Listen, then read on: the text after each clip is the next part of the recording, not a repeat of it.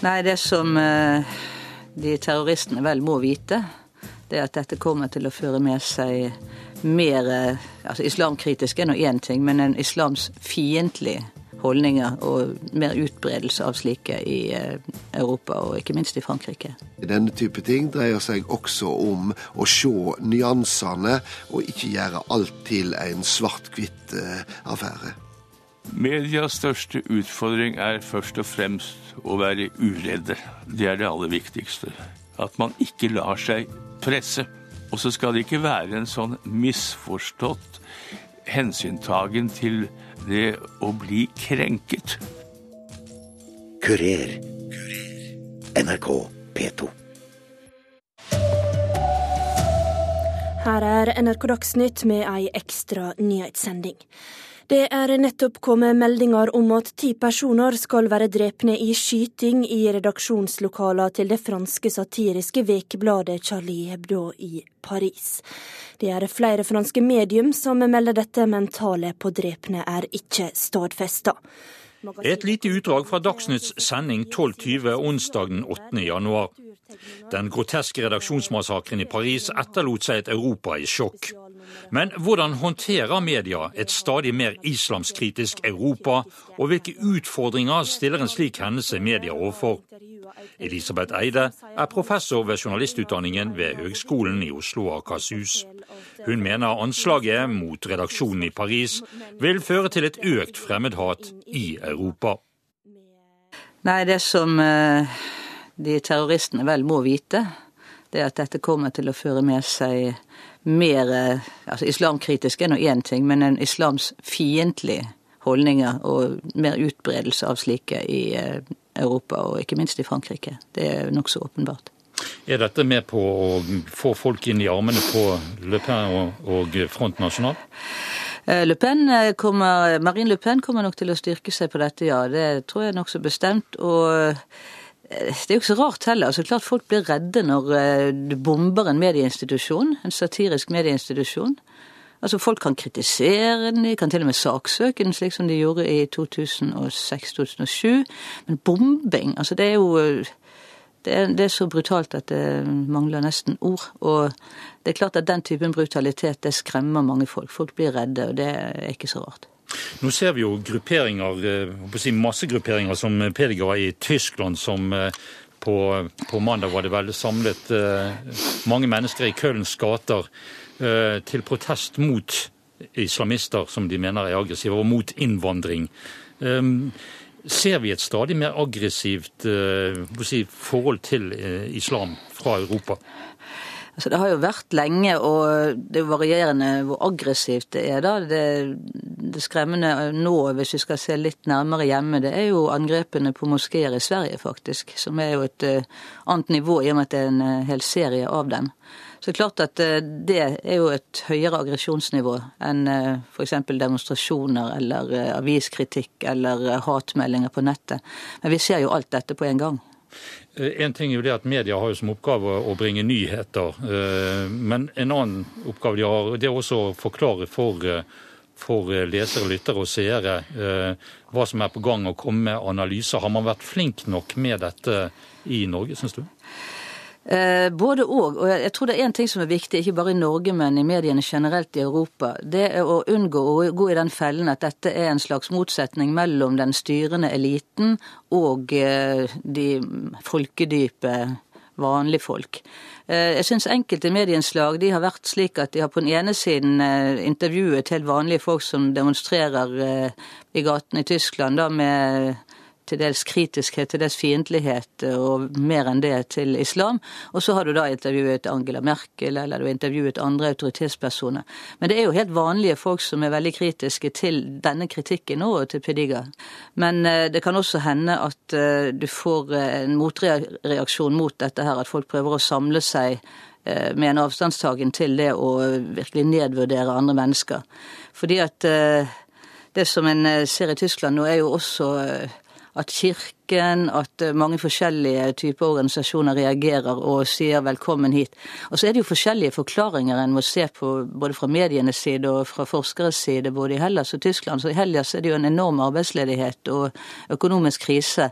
Og der kan en kanskje si at uh, forskjellige ja, grupperinger som ikke er akkurat det det politiske sentrum rekrutterer. Men i Tyskland så er det jo liten arbeidsledighet. De har sårt behov for migranter fordi at uh, fødselsratene går ned, og de har veldig lav arbeidsledighet. Altså, så det, det går ikke an å peke på enkeltårsaker lett her. Eh, med onsdagens uh, tragiske hendelse i Paris friskt i minne, uh, er det noe media bør gjøre og kan gjøre for på en måte å utligne dette? Altså Media nå bør jo, eller iallfall folk som jobber i mediene, må jo nå forsvare ytringsfriheten og stå last og brast med ofrene og de som har overlevd dette brutale angrepet i Paris. Det er jo én oppgave. Er det, er det, lett for media å, å å, røre i dette vannet og være med å utløse eh, mer ekstremisme? Det som en kan si, er vel at uh, terroren og uh, høyreekstremismen også, de uh, har vel et slags tankesett, begge. altså ytre islamsk inspirert såkalt da, terrorisme og høyreterrorisme. De har et slags tankesett som har å gjøre med et slags sivilisasjonssammenstøt, ikke sant. Eh, mens eh, det som andre som har forsket og skrevet om dette, her snakker om, at det er vel mer en, eh, et sammenstøt mellom ulike typer ekstremister som trigger hverandre. Og da er det jo spørsmålet om at mediene må få fram at det normale er å ikke være noen av de stedene. Og at det, det er klart medienes eh, tradisjon er jo å ta utgangspunkt i det ekstreme og i skarpe konflikter, men jeg tror det er en viktig oppgave for mediene her også å se på at eh, det er fåtall på begge disse ekstreme sidene. Eller disse ulike ekstreme sidene. Dette med å ha en åpenhet i forhold til, eh, til altså en, en, arena hvor folk kan debattere både for og imot eh, innvandring, er det viktig? Altså at man bruker avisenes f.eks. nettsteder? Ja, og det skjer jo i stor grad. Det er samtidig et, en utfordring til til det redaksjonelle, nemlig eh, hvor setter du grensen for eh, hatefulle ytringer, f.eks. For eksempel. Fordi at eh, en trenger jo også i slike debatter å oppdra til et saklighetsnivå, og så kan en være dypt uenige og komme med sterke meninger, men en kommer med hatefulle ytringer som gjør at andre frykter for å uttrykke sine meninger, eller frykter for sine liv sågar, så da er en ute å kjøre. I Sverige så eh, gjorde jo Ekspressen eh, ved hjelp av en frilansgruppe i Stockholm de brøt seg inn på noen av de eh, høyreekstreme nettstedene og offentliggjorde en del av navnene på folk som ytret seg anonymt der, rent rasistisk. Er det en vei å gå? Altså Generelt så mener jeg at det var et framskritt eh, da etter 22.07. i Norge flere aviser forlangte fullt navn av de som skulle delta i debatter. For det har å gjøre med det er ulike rettigheter her som er litt i konfrontasjon med hverandre. Fordi at du har ytringsrett og du har ytringsfrihet, men så er det også de som blir angrepet, skal de ha rett til å vite hvem de blir angrepet av. For det er jo ofte snakk om personangrep. Generelt så er det jo en god ting hvis en kan stå fram med fullt navn og hevde sine meninger. Men er det viktig akkurat nå, i den fasen vi er nå, at media tar eh, dekningen av, eh, av eh, terrorisme og innvandring alvorlig og forklarer og analyserer, slik at folk kan forstå dette?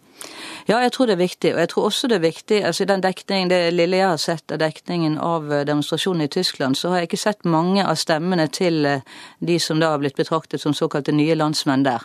Det er jo viktig at også de stemmene som altså ikke ønskes velkomne av alle, får komme til orde. Jeg tror det er veldig viktig å få fram her at det er motstandere på grasrota også av Pediga, og at kanskje de teller langt flere enn de som Pediga selv har i sine rekker.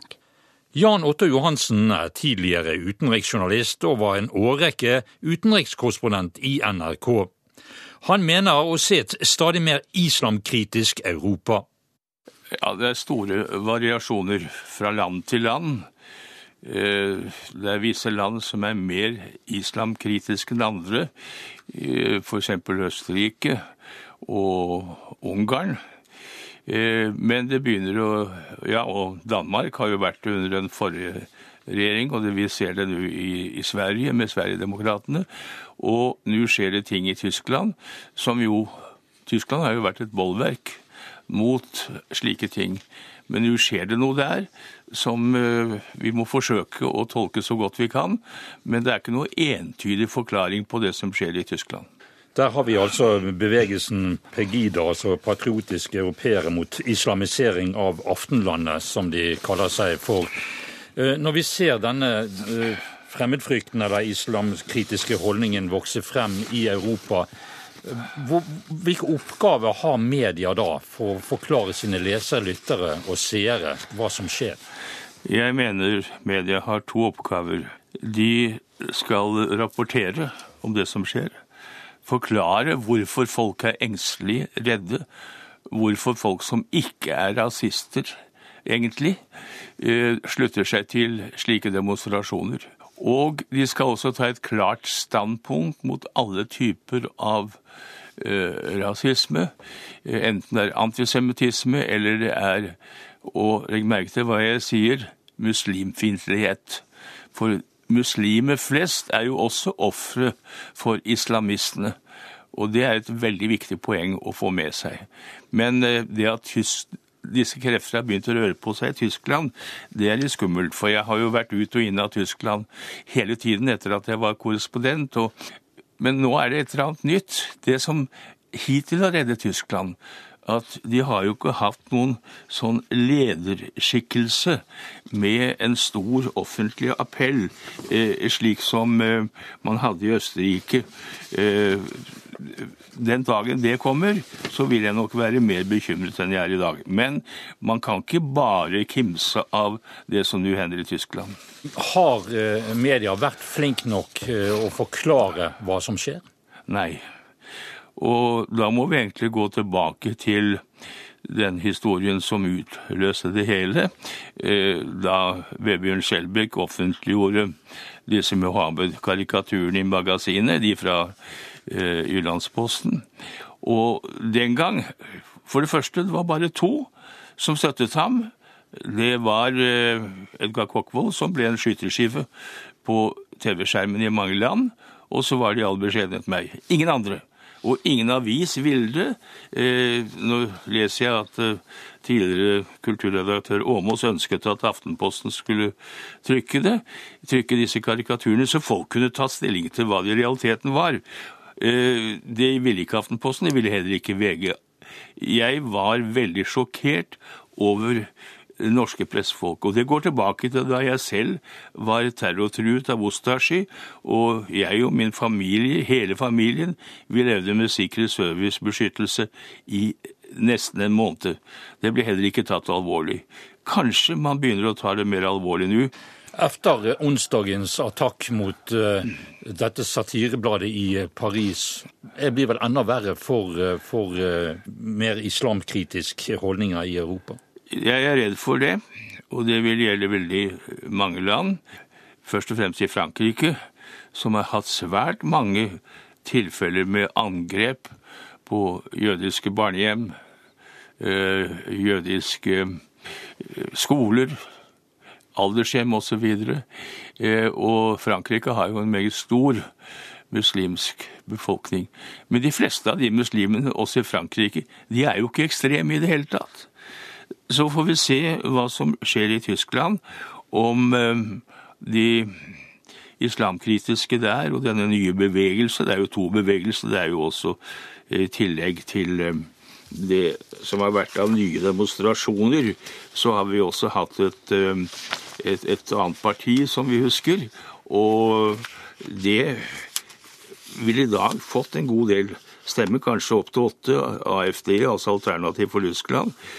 Og hvis da Pegida, altså patriotiske europeere mot islamisering av Aftenland, altså mot altså Vesten, hvis de klarer å slutte rekkene, så skal man virkelig ta det alvorlig. Og det er klart at dette her, som har skjedd i Frankrike, er som å helle bensin på ilden. Det er ikke noe tvil om det. Altså Man skal være meget, meget naiv for ikke å skjønne det. Og utgangspunktet denne frykten for islamisme, som jeg mener jo at det er ikke noe fare for at Europa blir islamisert.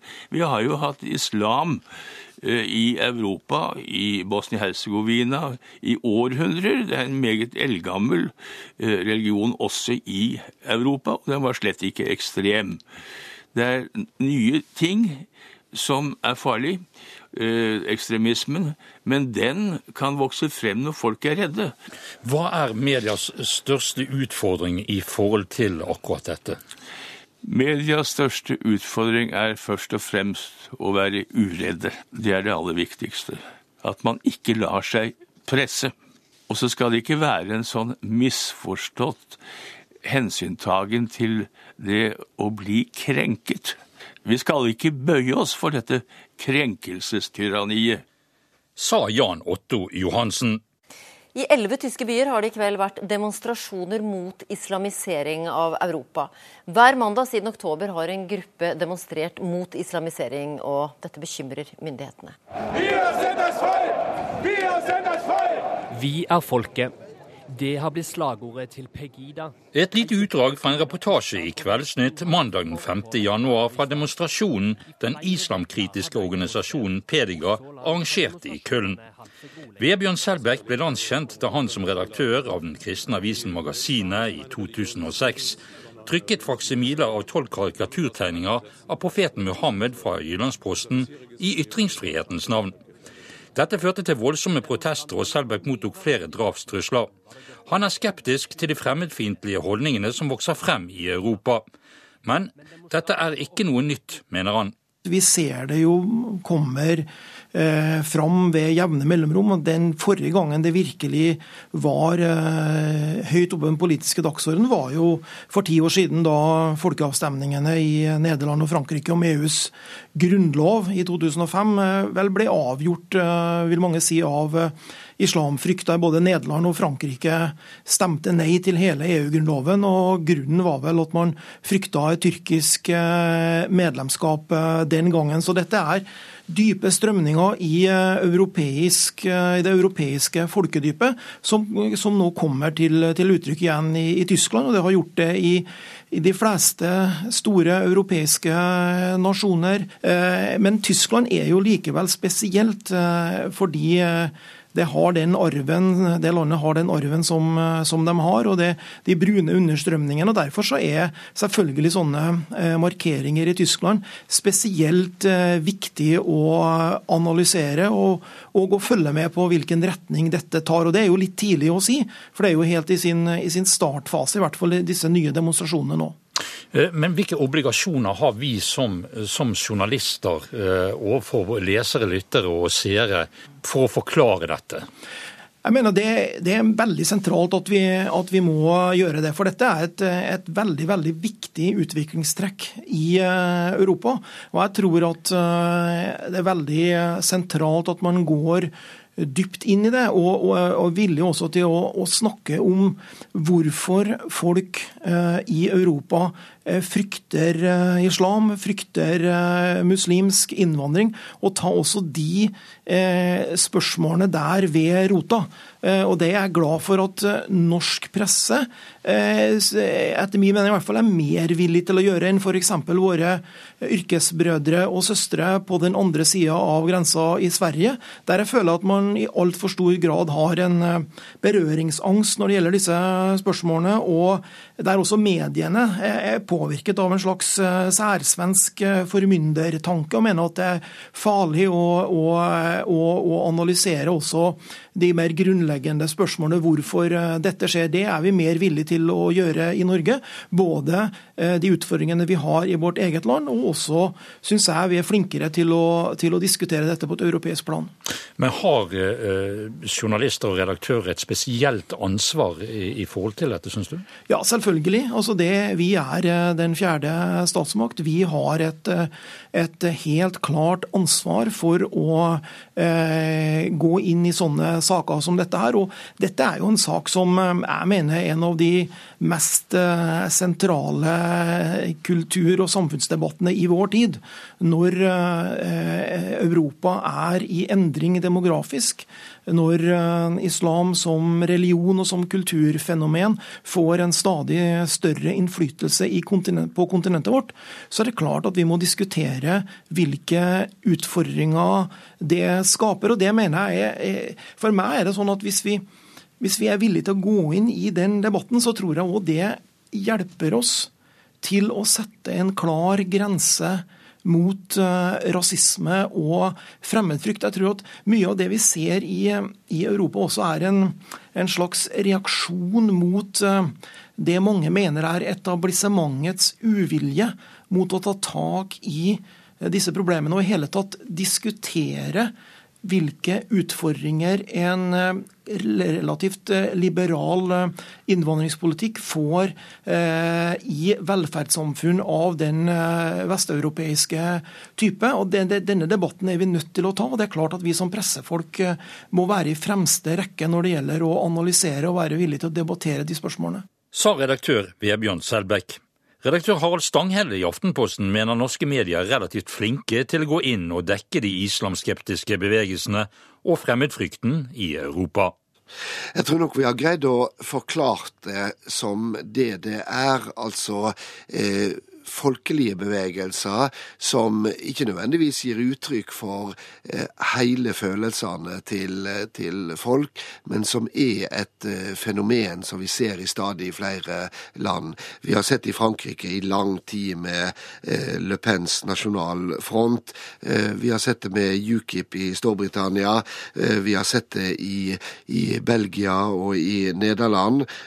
Og vi ser det altså nå i Tyskland. Men igjen, det er bare én av flere trender som, som går over Europa akkurat nå. Og vi skal være veldig bevisst på hva vi gjør det til i det norske nyhetsbildet når dette skal forklares. Du sa det at uh, vi må være forsiktige med å hause dette opp uh, og skape frykt hos, uh, hos folk. Men ser du slike tendenser i det bildet, nyhetsbildet som vi har hatt? Ja, Det er både og. Det som en kan se en tendens til, det er jo å kjemme alle over én kam. Og det gjelder eh, både hvis en ser på de ulike innvandrerkritiske eh, bevegelsene, som er veldig ulike fra, fra eh, land til land. Eh, vi ser at de eh, har sin, sin rot i landets egen historie, i politiske forhold. Med andre ord, eh, vi har lett for å se på dette som, som én eh, masse. Det er det ikke. Og vi ser akkurat det samme når vi eh, dekker og når vi analyserer eh, det som går på eh, muslimer, på muslimske bevegelser, eh, at vi har en tendens til eh, å ikke se nyansene, ikke se motsetningene, ikke se de ulike interessene, men se på dette i én blokk. Og sånn er det ikke. Og hvis en ser så firkanta på det, eh, og ikke greier å formidle nyansene, ja, så fråtar vi oss sjøl eh, eh, evnen og, og muligheten til ei bedre forståing av det som skjer.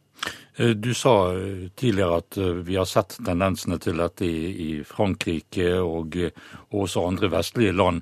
Men det at dette nå kommer til Tyskland, gir det en ekstra piff, for å si det slik, med at man tenker tilbake på, på 30-tallet osv.? Nei, jeg tror ikke det. Jeg tror at øh, den tyske historien som har fulgt deg så tett eh, helt fram til nå.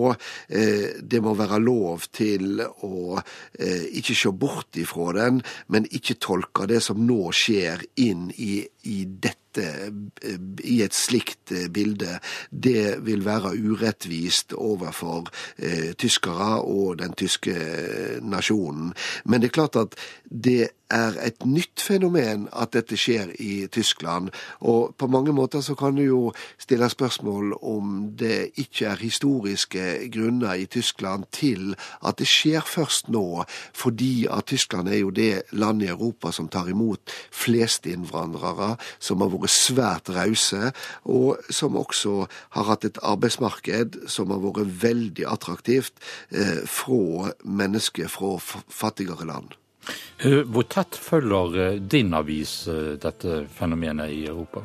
Ja, Vi følger det nokså tett. Eh, vi kan alltid bli bedre, men det er i hvert fall én av de fenomenene eh, som er veldig tydelig på vår journalistiske radar, og der bør det definitivt være.